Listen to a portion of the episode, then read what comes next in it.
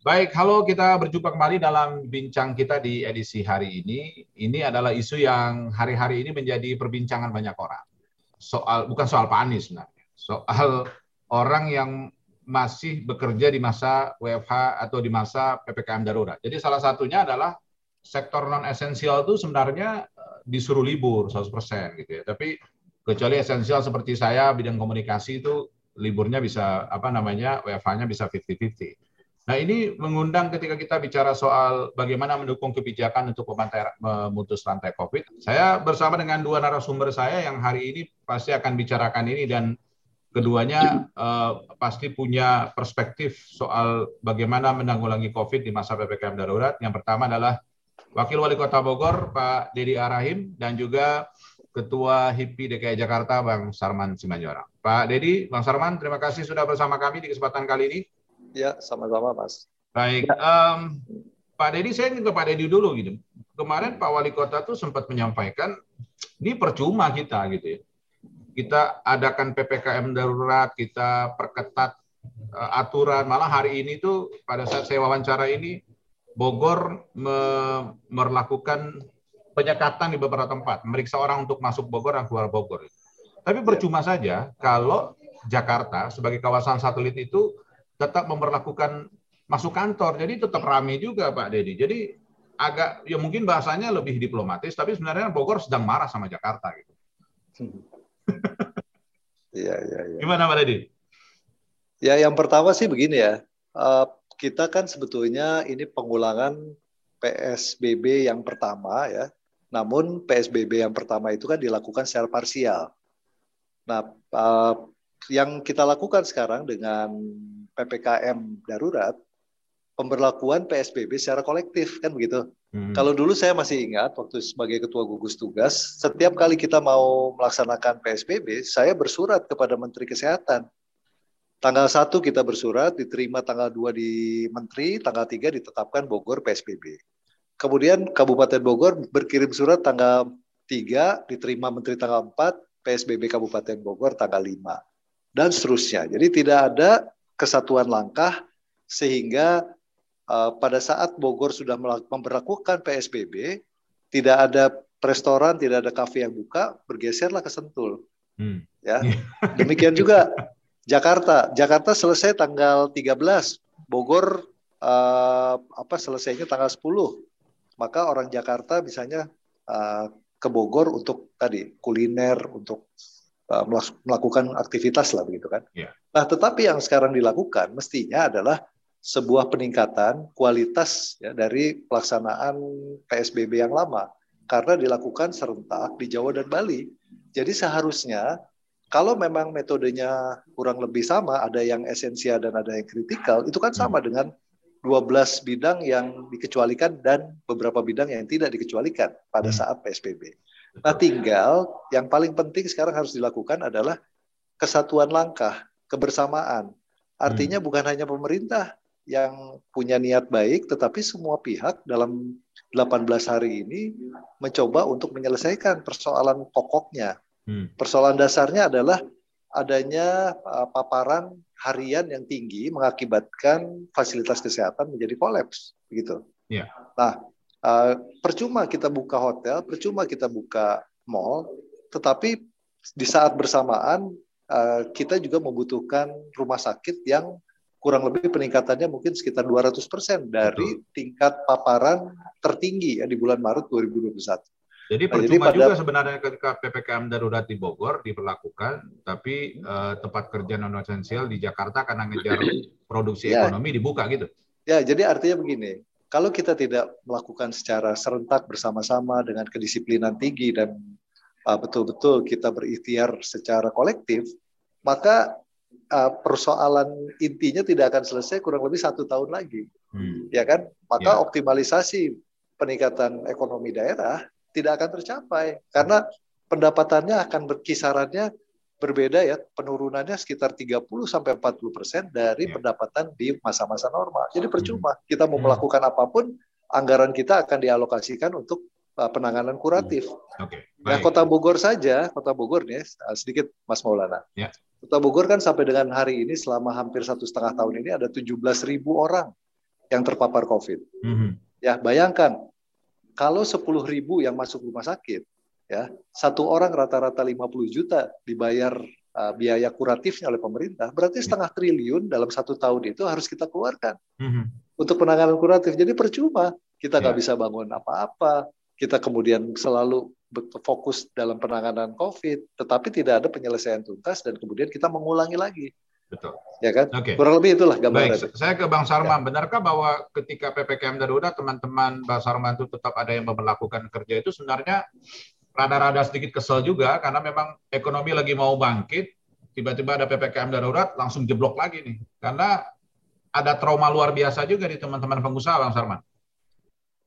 Ya, memang kalau kita lihat dari sisi uh, psikologi pengusaha, memang kita maklumin juga ya bahwa memang uh, pengusaha saat ini sangat-sangat tertekan sekali.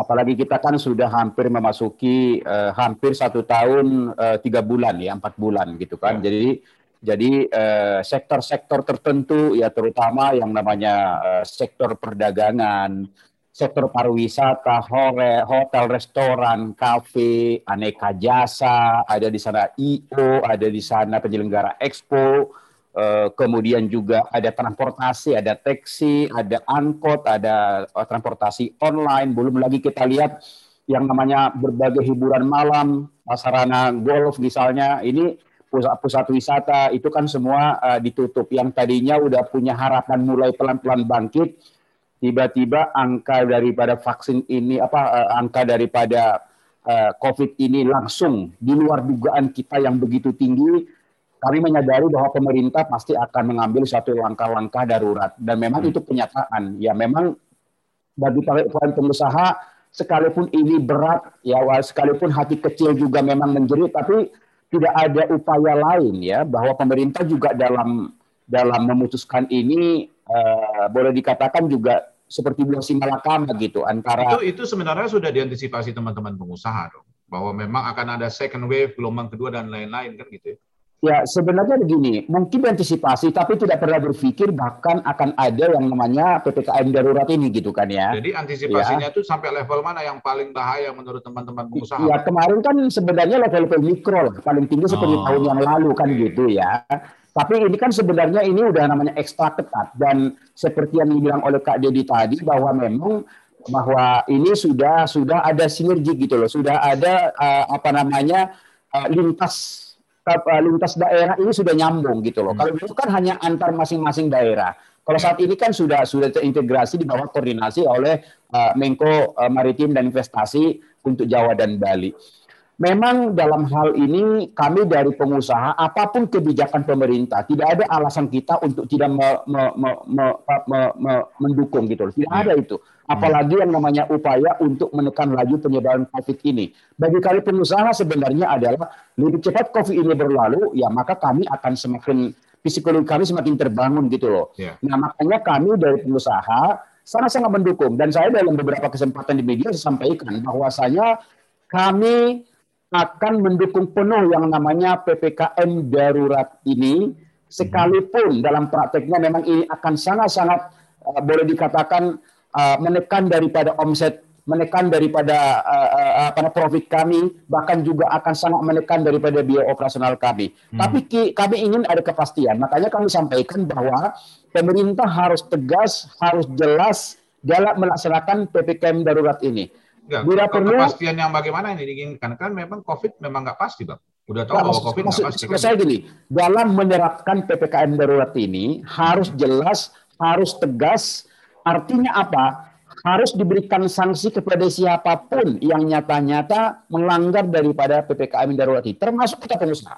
Makanya kemarin kita memang terus terang saya saya saya sayangkan lah ketika Pak Gubernur DKI Jakarta melakukan sidak beberapa gedung, ternyata ada beberapa perusahaan yang non esensial dan juga non kritikal yang ternyata buka gitu loh. Ini ini memang sesuatu yang sangat-sangat kita prihatin sekali dan mudah-mudahan ini menjadi apa ya menjadi pengalaman ya bagi teman-teman hmm. lain janganlah coba dulu untuk sementara ini karena ya. ini ini ini kalau kita masih melanggar daripada ppkm darurat ini ini sama saja kita akan memperpanjang lagi ketidakpastian ini gitu loh. Oke, tapi, tapi gini kalau, bang, tapi boleh dong saya nanya misalnya mewakili uh, pertanyaan-pertanyaan netizen di Instagram kita, uh, boleh dong kita tahu bahwa berapa sih ke, emang kan cuma 20 hari nih atau 8 atau 17 hari nih gitu misalnya kan.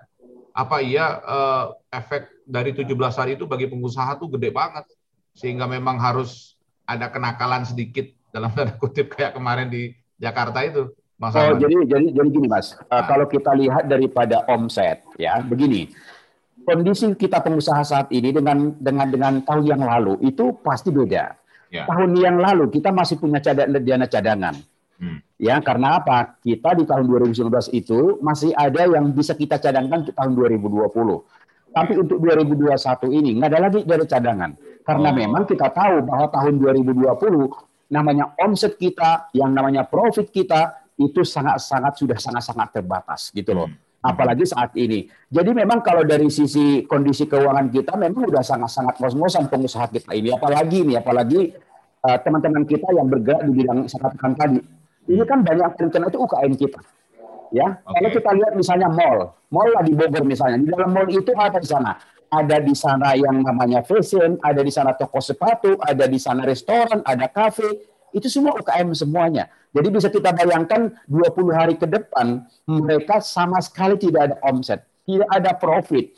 Ya, di satu sisi biaya operasional harus berjalan, gaji karyawan harus berjalan. Nah, hmm. bisa kita bayangkan gitu loh. Jadi okay. jadi kalau memang kalau kalau di, ditanya kondisi pengusaha ya memang sangat-sangat memprihatinkan sekali. Okay. Tapi tapi ini bukan merupakan uh, uh, apa bukan lagi tugas kita bagaimana meratapi ini tapi hmm. tugas kita bersama bagaimana mengakhiri ini gitu loh. Artinya COVID okay. inilah sumber utama kita. Nah untuk itu kita sangat berharap bahwa 20 20 hari ke depan pengusaha-pengusaha kita ini harus kuat, harus tegar.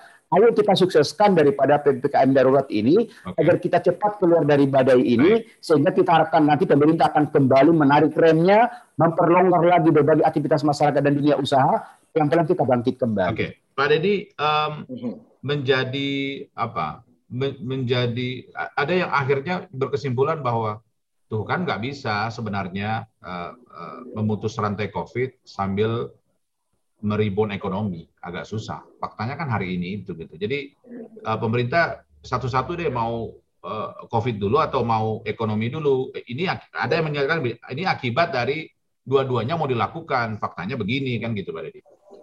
Kalau menurut saya tidak juga. Sampai hmm. dengan Maret 2021 ya grafik menunjukkan antara pemulihan ekonomi dengan penanganan kesehatan bisa berjalan bersama. Hmm. Tetapi begitu masuk bulan Ramadan dan Idul Fitri, pemerintah sudah mau warning tidak boleh mudik, masyarakat sebagian bandel. Itu. Kan kita punya grafik di Bogor saja ya, di Bogor hmm. nih. Uh, kasus tertinggi itu harian tertinggi ya 190 189 orang per hari. Hmm. Hmm ya sampai dengan bulan Maret dari sejak awal terjadinya pandemi di sekitar 19 Maret 2020. Ya. Ya, jadi penambahan kasus ada, tetapi yang tertinggi 189 kasus. Nah, begitu mudik ya, begitu libur kemarin ya, cuti bersama dan lain-lain, kita kembali sekarang harian bisa mencapai 400 sampai 500 per hari. Hmm. Nah, jadi kalau menurut saya tidak bisa dikatakan bahwa antara penanganan ekonomi dengan pemulihan kesehatan tidak bisa dilaksanakan secara berbarengan. Tidak ada kok. Yang lain-lain lockdown kita aman. Hanya hmm. terakhir ya kita tidak sabar, ya tidak sabar um, yang apa diam-diam mudik ya, yang kemudian cari jalan tikus dan lain sebagainya mudik kembali lagi kemudian memaparkan. Contoh kasus di Bogor kan terbukti. Yang pertama kasus Geria Melati di Bogor. Dari mana? Dari orang yang mudik ya hmm. memaparkan dalam satu klaster perumahan ada 92 orang. Ya. Kemudian kasus yang kedua adalah Ponpes Bina Madani. Hmm. Mereka datang dari seluruh Indonesia datang ke Bogor. Ya. Uh, uh, santri terpapar 90 lebih. Ya. Ya. Kemudian kemudian ada juga uh, apa namanya? sekolah saya lupa nama sekolahnya. Sama begitu. Jadi hmm. mereka kembali dari luar kota masuk ke Bogor uh, setelah mudik Lebaran, kemudian terjadi paparan yang besar. Terakhir Jadi yang memang, satu lampa ya Pak Dedi ya? Kalau sekarang akhirnya karena sudah varian delta lah, kemudian juga masyarakat tadi sudah apa namanya dalam kondisi uh, ya tertekan ya dalam hmm. dari sisi kesehatan ya sekarang meledak di mana-mana. Bukan hanya Katulampa, Geria Katulampa sekarang hampir 107 orang. Hmm. Kemudian ada lagi di Yasmin ya di RW 9 kalau nggak salah.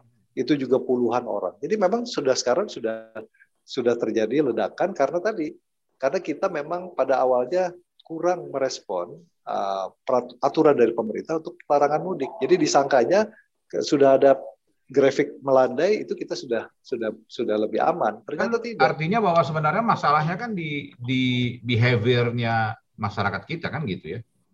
Iya tadi tadi yang saya sampaikan ya kalau saja ya uh, kan sebetulnya gini pengambilan keputusan oleh pemerintah dilandasi oleh kajian-kajian yang dalam.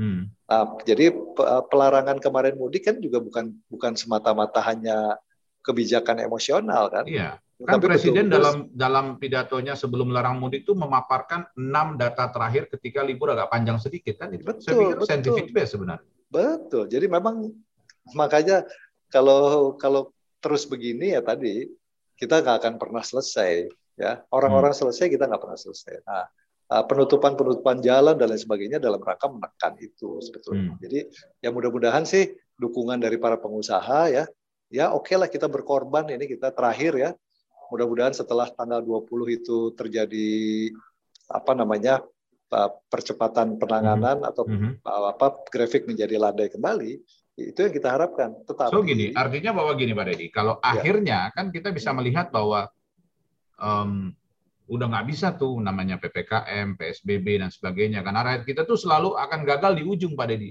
Hmm. Kan di ujung kita udah bagus, gagal di ujung soal mudik. Ya. Ya. Nanti udah bagus nih, saya takut tanggal 20 gagal nih. Walaupun doa saya nggak begitu ya. ya, tapi tanggal 20 ya. lebaran haji gagal lagi nih. Bang Sarman marah-marah ya. lagi nanti. Ya. Kalau menurut saya, ya. Kalau kalau kalau dari pengalaman ya, kalau menurut saya ini nggak mungkin tanggal 20. Paling tidak 4 Agustus. Ya, selama oh. kita pertahankan ya, kita pertahankan setelah nanti dengan penekanan-penekanan ini masyarakat kemudian mengurangi mobilitas, kemudian hmm. juga didukung oleh dunia usaha ya yang harus mau tidak mau berkorban. Ya. Hmm. Jadi kita nggak mikirin lagi soal pendapatan ya mau tidak mau karena yeah. ini pilihan ya. Paling tidak kalau menurut saya baru tanggal 4 Agustus kita bisa menikmati jumlah uh, kasus yang lebih landai dari lebih landai. Oke. Okay. Ya karena kan peningkatan harian masih terjadi. Betul, betul. Ya. Hari ini kalau, uh, malah banyak banget ya hari ini ya. Ya karena begini. Ribu ya. Nah, begini. Uh, yang terjadi sekarang di, di masyarakat itu adalah mobilitas virus karena masyarakat yang tidak bisa menembus uh, mengakses fasilitas kesehatan kan mencari sendiri ya dia datang bawa dia pakai grab ya -hmm. dia sewa Grab untuk diantar ke rumah sakit umum daerah misalnya. Mm-hmm. Di RSUD IGD-nya penuh. Yeah. Dia turun, supirnya ngerokok ke kantin sambil nunggu antrian. Balik lagi ke mobil, cari lagi rumah sakit yang kedua. Mm. Nunggu lagi, uh, kemudian lagi. Uh, kemudian apa ada interaksi dengan pihak ketiga, kemudian begitu terus kan. Yeah. Nah, ilustrasinya tadi saya sampaikan di Bogor hari ini ada 5.500 warga yang terpapar hmm. yang aktif di luar yang tidak kita bisa okay. apa namanya uh, mapping ya jumlahnya hmm. berapa. Tetapi kan rumah sakitnya bednya cuma ada seribu. Yeah. Nah, jadi satu banding lima. Hmm. Ya, okay. itu aja. Itu ilustrasinya begitu. Nah, okay. Dari dari empat ribu yang nggak kebagian rumah sakit, dua ribu sedang mencari jalan, mencari akses ke rumah sakit. Okay. Mau ke mana lagi kan gitu kan? Siap, siap. Nah, okay. jadi saya pikir tidak mungkin kalau teorinya ya dengan kondisi seperti sekarang tanggal 20 selesai. Jadi okay. pengusaha harus menyiapkan paling tidak sampai dengan awal Agustus. Itu di, Bang Sarman itu disadari bahwa tanggal 4 Agustus kemungkinan baru selesai ini barang kan gitu ya. Bang Sarman kira-kira ya ini bukan ini pilihan sih ya tapi kira-kira itu jalan terbaik yang harus diberikan udah kayak lagu Brody Pelso 5 tuh. jalan terbaik itu itu itu gimana Bang Sarman? Ya. Oke, silakan. Jadi tadi yang disampaikan oleh Kang Didi tadi sebenarnya itu setuju. Jadi memang kalau kita lihat bahwa uh, kita memasuki tahun yang lalu, kemudian juga mau memasuki tahun 2021, sebenarnya kita bisa menjalankan dua-duanya nih. Jadi kita sama-sama juga menekan laju COVID, kemudian ekonomi juga bisa pelan-pelan juga jalan gitu kan. Ya, cuman memang ini kembali lagi kepada kesadaran kita semuanya, masyarakat kita semuanya gitu kan. Dan pemerintah sudah wanti-wanti dari awal dan tidak diperbolehkan misalnya uh, mudik, tapi tetap juga kecolongan. Hanya memang di sini tetap juga memang kita lihat ada sedikit kekurang tegasan juga bagi pemerintah sebenarnya. Hmm. Jadi kalau tadinya kita berharap sebenarnya Ketiga, sudah ketidaktegasan pemerintah atau kecerdikan orang nakal sebenarnya. Nah, maksud saya begini, maksud saya begini. Kemarin kan pemerintah membuat suatu jangka waktu. Ya. Ya tidak boleh mudik itu mulai tanggal sekian. Ya. Jadi orang mencuri sebelum tanggal itu.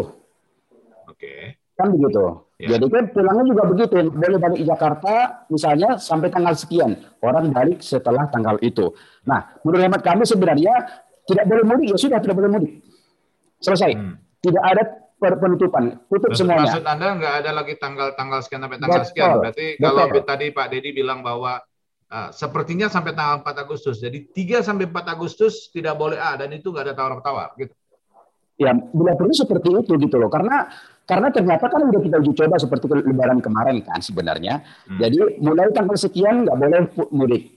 Orang mencari sebelum itu dan mudik. Kemudian juga eh, kita lihat juga memang banyak juga uh, apa jalan-jalan tikus yang lewat. Jadi jadi memang ini harus tegas. Yang sekali katakan itu yang kami katakan tadi ini harus semua harus pasti sudah. Sanksi pun harus pasti sudah. Masyarakat juga yang melanggar memang sudah harus kasih sanksi gitu loh. Karena kita lihat saat ini di Jakarta saja coba bayangkan Mas sampai kewalahan tenaga-tenaga kita yang menguburkan daripada uh, jenazah teman-teman kita. Hampir 300 orang per hari suatu angka yang tahun yang lalu itu nggak sampai 100 orang gitu loh. Yeah. Ya kan? Dan kemarin kita lihat angka mencapai 31 ribu. Ini sangat miris sekali. Ya saya juga ke teman saya, tetangga saya, keluarga saya kena.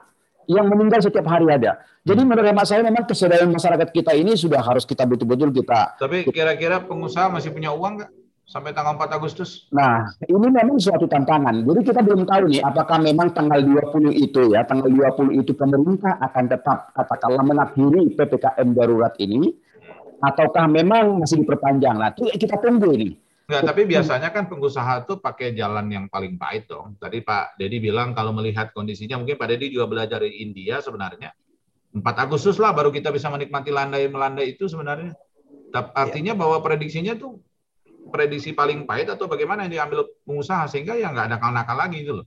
Ya harapan kami sih begini Mas Maulana. Jadi ketika memang eh, apa namanya eh, PKM darurat ini memang dipaksa harus panjang sampai bulan katakanlah mungkin Agustus, ya tentu daya tahan pengusaha ini masing-masing sektor itu berbeda-beda Mas Maulana. Hmm. Tapi pada umumnya ya pada umumnya sekarang ya memang udah sangat-sangat ketat kecil gitu kan ya. Hmm. Nah kemungkinan di sinilah yang yang kami sampaikan tadi pemerintah harus hadir gitu loh.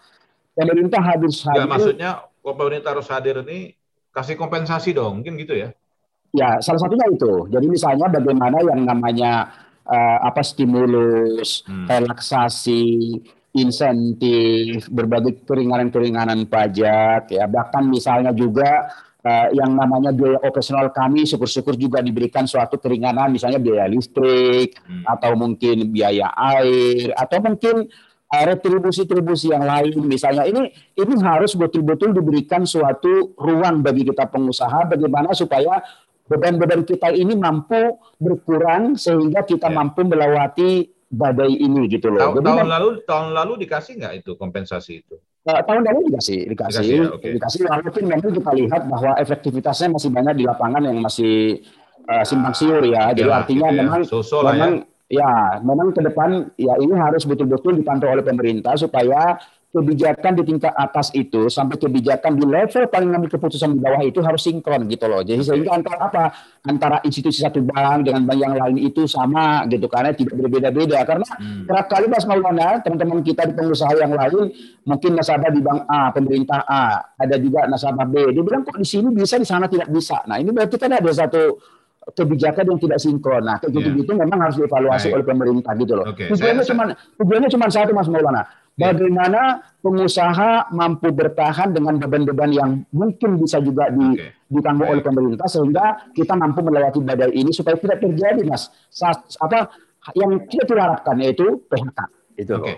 Uh, Pak Deddy kira-kira ya. uh, negara masih punya uang nggak ya untuk memberikan kompensasi itu gitu di Bogor aja lah misalnya karena ya. sektor pendapatan juga kabarnya udah susah kemarin juga BPK ya. sudah mengingatkan uh, pemerintah uh, kepada presiden bahwa utang kita memang udah uh, takutnya sudah nggak mampu bayar dan sebagainya kira-kira kalau ada permintaan seperti yang disampaikan Mbak Sarman tadi kira-kira bisa kita penuhi nggak dalam kondisi yang ya. kayak gini tentu ada beberapa ya yang masih sangat mungkin ya. Misalnya diskon untuk PBB ya. Hmm. Uh, pajak bumi bangunan itu sangat mungkin. Ya, ya, tapi ya. tapi tentu uh, misalnya uh, ada terminnya begitu kan. Kalau memang pengusaha mau mendapatkan diskon 20% misalnya dari PBB, kalau untuk uh, sebuah perusahaan yang besar kan sangat signifikan nilainya. Uh, hmm. Kita berikan 20% misalnya, tapi dengan catatan pembayarannya sekarang atau satu bulan gitu kan, selama hmm. satu bulan diberikan. Kemudian kalau bulan depan bayarnya 15%. Itu masih memungkinkan untuk PBB. Kemudian untuk diskon-diskon ya atau insentif misalnya dari sisi apa namanya pemakaian gas industri, kemudian juga PDAM, air minum dan lain sebagainya, saya, saya pikir masih mungkin. Uh, tetapi juga memang harus uh, meka, harus ada mekanisme insentif yang lain ya seperti misalnya uh, ya ambil contoh ya kalau di Bogor itu misalnya ada semacam insentif bagi bagi bagi perorangan ya atau pemilik lahan yang jalannya dipakai untuk uh, dilintasi oleh uh, proyek pembangunan misalnya kan hmm. nah, kita bisa membebaskan bahkan PBB sampai lima tahun uh, tetapi kan begini pendapatan negara pun nggak bisa semuanya diberikan gratis kan. Yeah. Tetapi ada beberapa insentif, ada beberapa diskon yang memang memungkin masih memungkinkan uh, untuk uh, kita manfaatkan sebagai salah satunya adalah dana pembangunan, tetapi mm -hmm. di satu sisi yang lain juga meringankan pengusaha dan masyarakat di dalam membayar uh, pajak dan sebagainya. Okay. Ini sangat memungkinkan. Oke. Okay. Uh, terakhir Bang Sarman dengan kondisi hari ini uh, apa yang bisa dijaminkan ke kita karena mungkin Pak Dedi juga dan Pak Wali Kota juga sudah ingin tahu juga jangan sampai kejadian dan saya tidak mau background di belakang saya itu terjadi hampir setiap hari karena Bogor sudah melakukan penyekatan. Apa yang bisa dijanjikan? Nggak buka lagi ya atau gimana atau gimana? Takutnya dimarahin Pak Gubernur Jakarta hari ini besoknya bikin lagi kan karena tahu Pak Gubernur nggak mungkin sidak dua kali kan gitu. Bisa dibuka dulu mikrofonnya Bang Sarwan. Itu masih mute. Oke. Okay. Saya kebetulan hari ini uh, keluar ya uh, sengaja keluar dari rumah hanya untuk keliling aja tadi. Ah. Jadi saya melewati jalan uh, Sudirman terutama, saya melihat memang perkantoran-perkantoran agak sepi. Ya. ya kan, agak sepi. Jadi kemungkinan dengan adanya uh, sidak kemarin itu yang langsung oleh Pak Gubernur uh, itu menjadi uh, ada satu apa namanya, ada satu shock terapi bagi pengusaha-pengusaha kita yang tanda kutip ya diam-diam buka gitu kan. Tapi hari ini kita lihat tidak ada lagi ya sehingga kita harapkan ini bisa bertahan sampai dengan uh, eh, 20 hari ke depan ya dalam rangka mengurangi laju ini. Jadi memang ini yang kita harapkan. Ini yang kita harapkan sehingga memang betul-betul bahwa seluruh masyarakat kita, seluruh pengusaha, siapa pun masyarakat kita tanpa terkecuali harus mensukseskan daripada PPKM darurat ini.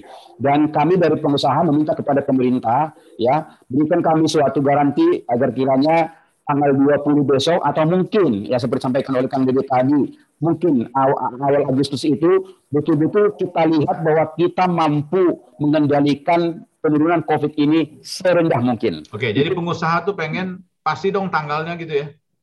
Ya, harapan kita. Tapi dalam hal ini, bahwa ini juga tidak akan mungkin bisa terwujud tanpa partisipasi dan kesadaran masyarakat kita. Nah, jadi jadi untuk itulah kiranya supaya jangan sampai uh, masyarakat kita kental dalam hal itu. Yang pertama. Yang kedua, kami juga ingin agar kiranya kalau kebijakan-kebijakan seperti misalnya uh, uh, uh, non esensial kritikal tadi itu betul-betul juga secara uh, apa uh, uh, dibuka sejelas-jelasnya. Karena kemarin memang kita lihat di medsos juga kan sedikit juga ada ada ada ada ada pro kontra. Karena salah satunya yang dikunjungi itu adalah asuransi misalnya. Asuransi itu uh, masuk non sektor keuangan. Nah itu kemarin itu ada sedikit uh, apa namanya berdebat itu apakah mereka masuk satu sesuatu apa tidak. Nah, ini harus diperjelas semuanya supaya nanti juga tidak terjadi hal, -hal seperti ini. Nah kemudian ya, kalau kita lihat nanti backgroundnya Mas Maulana itu ya mudah-mudahan juga bisa dicek. Ini benar-benar yeah. enggak mereka ini pekerja-pekerja daripada non esensial dan kritikal. Jangan sampai Betul. ada yang di luar itu. Kalau di luar Nanti itu, kalau kita ngobrol lagi sama Pak Dedi lagi, saya akan ganti backgroundnya kalau memang kondisinya udah berubah. Tapi kalau belum berubah, saya tetap pakai yang ini. Ya, betul. Jadi itu harapan kami dari eh, pelaku usaha. Tentu memang dalam hal ini ya kesadaran dari masyarakat sama kita butuhkan. Okay. Dan juga terima kasih kepada pemerintah. Ya, Kang Dede, Kang Dede tadi sudah menyampaikan bahwa di samping ada relaksasi dan juga ada stimulus dari pemerintah pusat, nah, harapan harapan kami juga dari pemerintah daerah juga demikian. Pajak-pajak yeah. yang selama ini juga menjadi beban pengusaha, ya syukur-syukur diberikan diskon, hmm. syukur-syukur juga diberikan suatu tenggang waktu. Karena kami dari pengusaha sebenarnya juga bukan pada posisi tidak mau bayar, tidak. Atau minta gratis, tidak. Tapi berikan kesempatan kepada kami untuk memperbaiki, memperbaiki dulu ke kami gitu loh. Artinya bisa itu ditunda misalnya ketika hmm. nanti ke kami sudah misalnya sudah sudah sudah bagus. sudah sudah bagus kami akan memenuhi itu ya kan termasuk UKM UKM kita Mas Maulana Kenapa kita minta yang namanya stimulus relaksasi itu? UKM-UKM kita ini kan banyak saat ini mungkin pinjaman ke bank bunga pokoknya nggak bisa di, di, dikembalikan, yeah. bunganya juga demikian, atau mungkin kredit motor, kredit mobil, kredit rumah. Nah, tapi bukan minta gratis, tapi tolong juga diberikan suatu keringanan bahwasanya kami akan membayar UKM itu akan membayar ketika nanti keseluruhannya sudah memungkinkan. Okay. Itu yang menjadi harapan kami kepada pemerintah supaya kita mampu bertahan melewati badai ini dan nanti ketika nanti pasca covid ini bisa kita bangkit kembali membangun okay. ekonomi kita yang positif. Baik, Pak Dedi. Ya. Silakan ada yang ingin disampaikan juga kepada para pengusaha ya. khususnya di Jakarta dan di Bogor sendiri gitu karena Jakarta Bogor itu yang saling berkaitan. Apa pun kebijakan di Jakarta punya efek di Bogor, begitu juga sebaliknya kan gitu sebenarnya. Ya sama lah, intinya kami menghimbau kepada seluruh uh, pelaku usaha ya, uh, untuk betul-betul bisa memahami situasi yang terjadi sekarang, di mana kita harus berempati juga pada sektor kesehatan. Sektor kesehatan yang sudah hampir satu setengah tahun berjuang sendirian, ini harus kita bantu.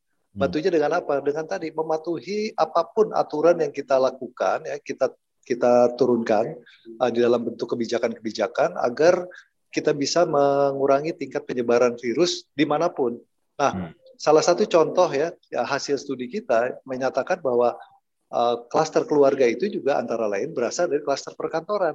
Jadi ini tidak hmm. bisa dipungkiri ya karena uh, kalau dari studi apa namanya uh, kesehatan misalnya uh, faktor sirkulasi udara, kemudian juga uh, apa faktor apa keadaan lingkungan di perkantoran yang hmm. sangat memungkinkan uh, terjadinya prokes yang lemah mengakibatkan tadi uh, terjadinya klaster keluarga. Jadi salah satu kontribusi dari pengusaha pada saat yeah. ini ya di masa PPKM darurat ini adalah betul-betul melaksanakan apa yang digariskan uh, untuk sektor esensial maupun kritikal dan mana hmm. sektor esensial kritikal yang masih bisa melaksanakan kegiatan dengan syarat tertentu hmm. dan yang non esensial atau non kritikal yang betul-betul harus berhenti dulu ber, ber, apa, melaksanakan kegiatan selama masa PPKM. Jadi mohon bantuan dari semua pihak agar PPKM darurat ini tidak sia-sia dan betul-betul bisa kita rasakan manfaatnya nanti okay. pada tanggal 20. Baik. Demikian. Tanggal 20 atau tadi tanggal 4 ya Pak? Ya kalau tidak kalau diperpanjang kan logikanya ke tanggal 4. Iya. Tetapi kalau dari hitungan sekarang dengan iya. kondisi yeah. masih uh, rasio antara mereka yang mencari uh, fasilitas kesehatan dengan hmm. Kondisi keadaan sarana prasarana di bidang kesehatan, tentu masih kita butuhkan waktu untuk bisa menurunkan semaksimal mungkin. Oke. Baik, terima kasih banyak Pak Dedi. Kemudian Bang Salman ya. sudah bersama kita di ya. obrolan kali ini. Mudah-mudahan bisa memberikan pencerahan juga sehingga kalaupun di sosmed itu ya produktif juga. Jangan protes sana, protes ini, ya protes nggak apa-apa. Tapi kalau tidak didasari fakta, apalagi mengajak orang tidak percaya corona itu udah salah banget. Gitu. Faktanya ya. tadi 3.000 orang dimakamkan setiap hari ya Bang Sarman ya? Di Jakarta 300. 300 orang dimakamkan setiap hari dengan prokes COVID. Masih kurang, ya. Wah. Di, di, di Bogor perumahan ya. 100 orang Pak Dedi ya. Hari cluster ini ratusan orang klaster banyak sekali terjadi dan itu pasti ada korelasi antara klaster keluarga dengan klaster perkantoran. Mudah-mudahan background di belakang saya kalau kita ngobrol bisa ganti karena kondisinya udah mulai melandai. Amin. Mudah-mudahan Bapak semua sehat semua di Amin. Selama kita memang menghadapi kondisi. Terima kasih banyak Pak Dedi. Oke, sama-sama Pak Sarman. Ya, terima kasih Kang Dedi. Demikian bincang kita terima kasih. edisi hari ini. Kita harapkan kita semua bisa sehat dan patuhi protokol kesehatan. Apa pun kebijakan memang harus kita dukung. Karena sejatinya untuk mengembalikan ekonomi kita adalah memutus rantai COVID itu sendiri. Nggak ada jalan lain. Saya Maulana Sarto. Sampai jumpa.